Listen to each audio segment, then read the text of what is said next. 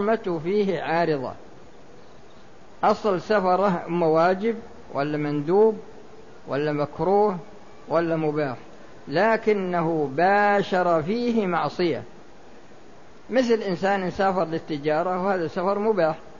لكنه فعل اللواط أو فعل الزنا أو شرب الخمر في أثناء سفره.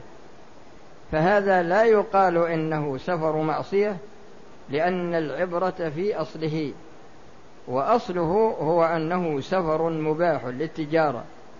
فهذه المعصية لا تمنعه من أن يترخص برخص السفر. فالمقصود أن السبب هو ما يلزم من وجوده الوجود ومن عدمه العدم لذاته. هذا الأول. الثاني المانع. المقصود بالمانع هنا أنه إذا وجد ترتب عليه امتناع الحكم. المانع ما يلزم من عدمه العدم. ما يلزم من عدمه العدم. ولا يلزم من وجوده وجود ولا عدم لذاته. فعندما يوجد تارة يترتب الحكم وتارة لا يترتب لكن إذا عدم فإنه ينعدم الحكم يلزم يلزم من عدمه العدم ولا يلزم من وجوده وجود ولا عدم لذاته. فإذا نظرنا إلى الحيض وجدنا أنه مانع من الصلاة يعني مانع لوجوبها على الشخص ومانع لأداء الصيام في رمضان في, في وقت الحيض في رمضان. فلو صامت الحائض أو النفساء فإن صيامها لا يكون صحيحا. لا يكون صحيحا. فالمقصود هو أن المانع ما يلزم من عدمه العدم ولا يلزم من وجوده وجود ولا عدم لذاته. وفي تفاصيل كثيرة في جميع المسائل لكن ما يصلح التطرق لها هنا.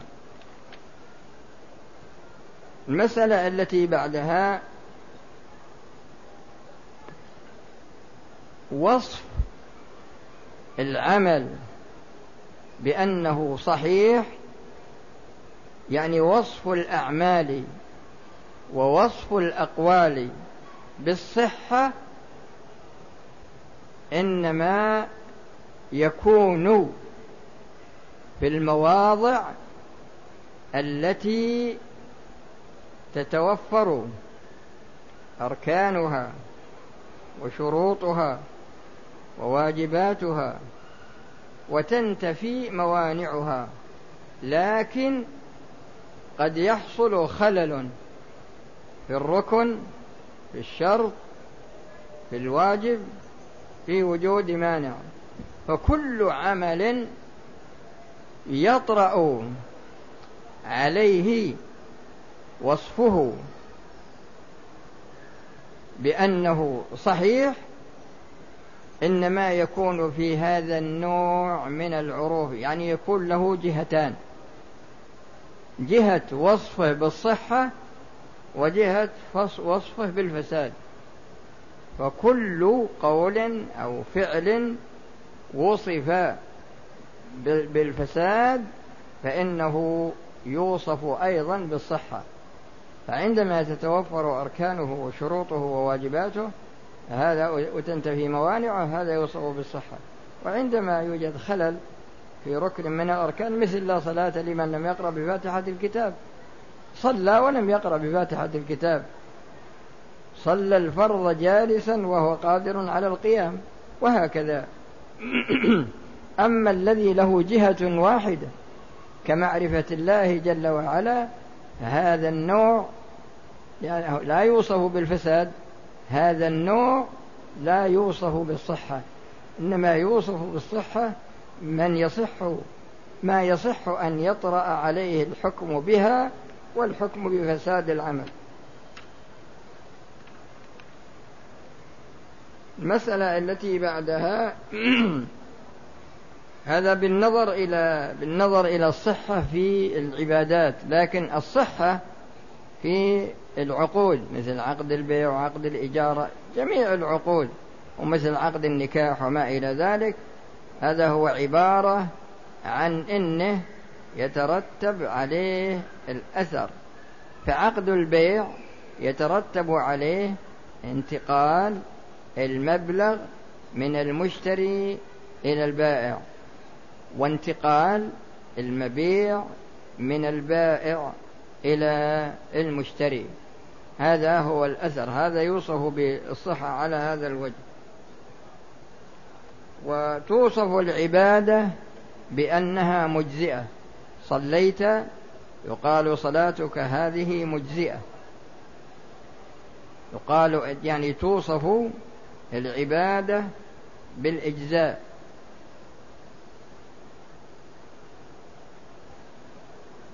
من أجل أن الشخص ما يطالب بالعمل لكن فيه جانب آخر وهو أن الشخص قد يصلي مثلا صلاة مجزئة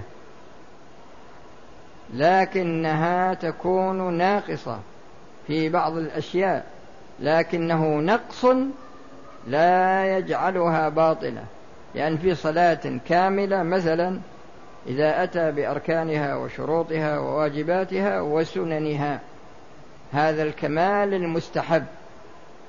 والكمال الواجب عندما يأتي بالأركان والشروط والواجبات وتنتفي الموانع. المسألة التي بعدها البطلان. يعني تصف العمل بأنه باطل. وتصف العمل بأنه فاسد. فشخص صلى بدون فاتحة الكتاب إن شئت أن تصف عمله بأنه باطل وإن شئت أن تصفه بأنه فاسد. وهكذا بالنظر إلى أوصاف العبادات الحج والعمرة وما إلى ذلك. وهذا عند الأئمة الثلاثة كما سبق في الفرض والواجب. وأبو حنيفة يرى أن الباطل ما نهي عنه لذاته.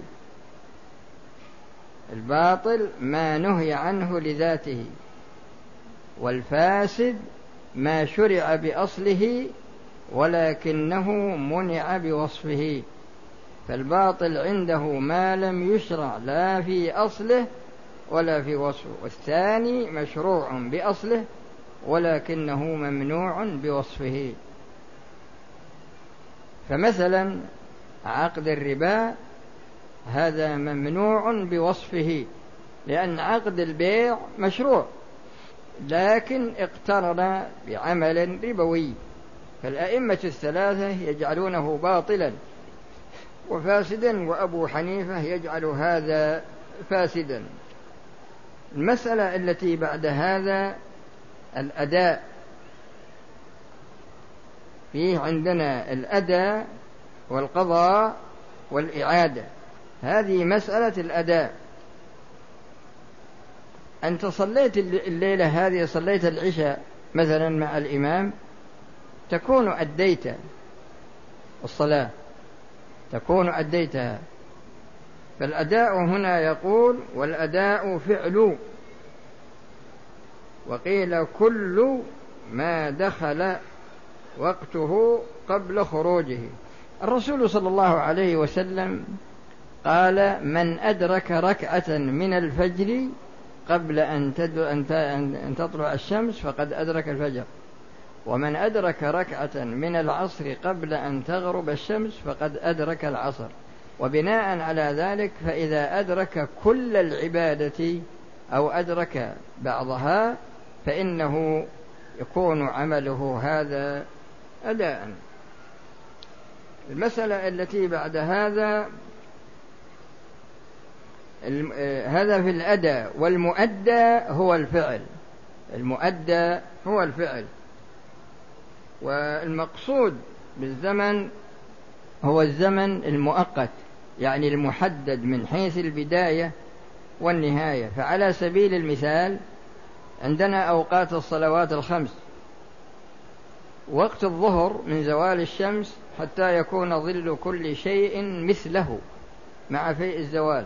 ثم يدخل وقت العصر ويمتد وقت الاختيار إلى اصفرار الشمس ثم يأتي وقت الضرورة إلى غروب الشمس ثم يدخل وقت المغرب ويستمر إلى غروب الشفق يعني ساعة ونصف بعد آه، غياب الشمس ثم يدخل وقت العشاء إلى منتصف الليل هذا وقت اختيار ومن بعد منتصف الليل إلى طلوع الفجر هذا وقت ضرورة ثم يدخل وقت الفجر ويمتد إلى طلوع الشمس. فالمقصود بالوقت هو الزمان هو الظرف الذي تعمل فيه العبادة له أول وله آخر. المسألة الأخرى اللي بعد هذا القضاء. الشخص عندما ينام عن صلاة صلاة من الصلوات الخمس. ثم يستيقظ بعد خروج الوقت ويتوضأ ويصلي. فعمله هذا يسمى قضاء لأنه فعل العبادة بعد خروج وقتها. لكن من حيث الأجر لا ينقص من أجره شيء لأن المانع ليس في اختياره. وهذا بخلاف ما إذا تعمد تأخيرها حتى خرج وقتها. فيلزم بالإتيان بها ولكنه يكون آثما. والمسألة التي بعدها المقضي هو المفعول. وبعد ذلك الصورة الأخرى الإعادة. فعل الشيء في وقت الأداء. قيل لخلل وقيل لعذر.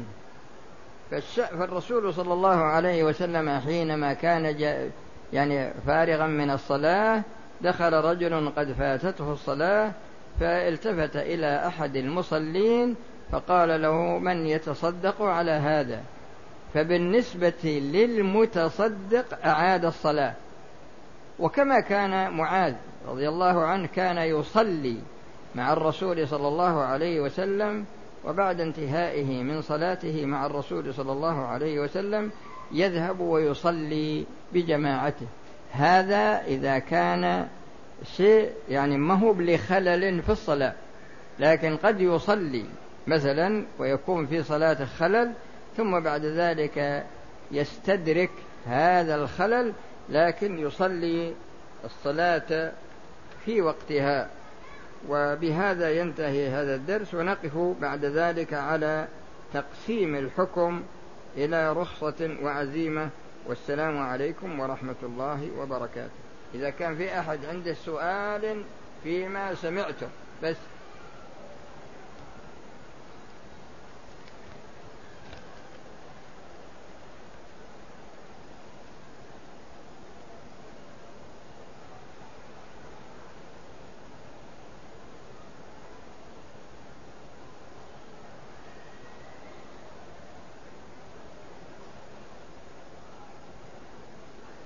هذا يسأل يقول وش الدليل في مثل الحج. الله سبحانه وتعالى قال وأتموا الحج والعمرة لله. فإذا شرع في الحج فإنه يعمل بهذه الآية وكذلك العمرة. والذين يستدلون على عدم الخروج من الصلاة إذا شرع فيها يستدلون بقوله تعالى ولا تبطلوا أعمالكم.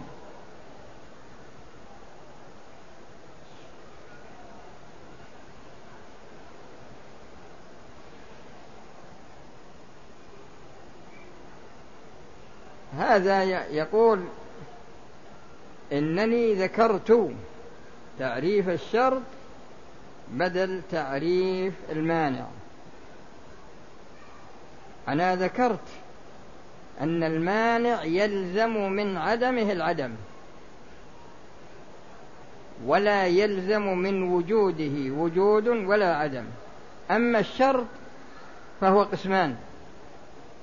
القسم الأول ما يتفق تعريفه مع السبب. بس أنا ما أحب أني أستفصل لكم وأطول لأن في تقديري أن أن الشيء اللي أقتصر عليه فيه كفاية بالنسبة للوضع هذا. فهو قسمان القسم الأول ما يتفق مع السبب. يعني يلزم من عدمه العدم يلزم من من عدمه العدم ويلزم من وجوده الوجود. هكذا والمقصود بالشرط هنا حتى يتميز للسائل ولغيره المقصود بالشرط هنا هو الشرط اللغوي هو الذي يتفق مع السبب فيلزم من وجوده الوجود ومن عدمه العدم لذاته. أما الشرط الشرعي فيلزم من عدمه العدم ولكن لا يلزم من وجوده وجود ولا عدم لذاته فالإنسان عندما يتوضأ هل يقال له هل يقال له لا بد أن تصلي لأنك أتيت بشرط من شروط الصلاة؟ فيلزم من عدمه العدم لكن لا يلزم من وجوده وجود ولا عدم لذاته.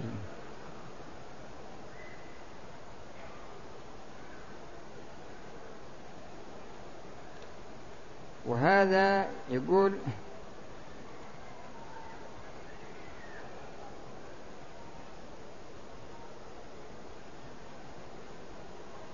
على كل حال هذا.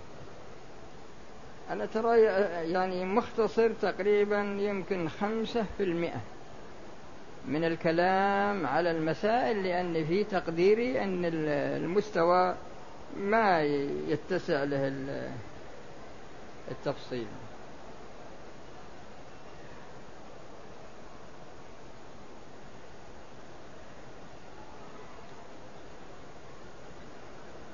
أشوف.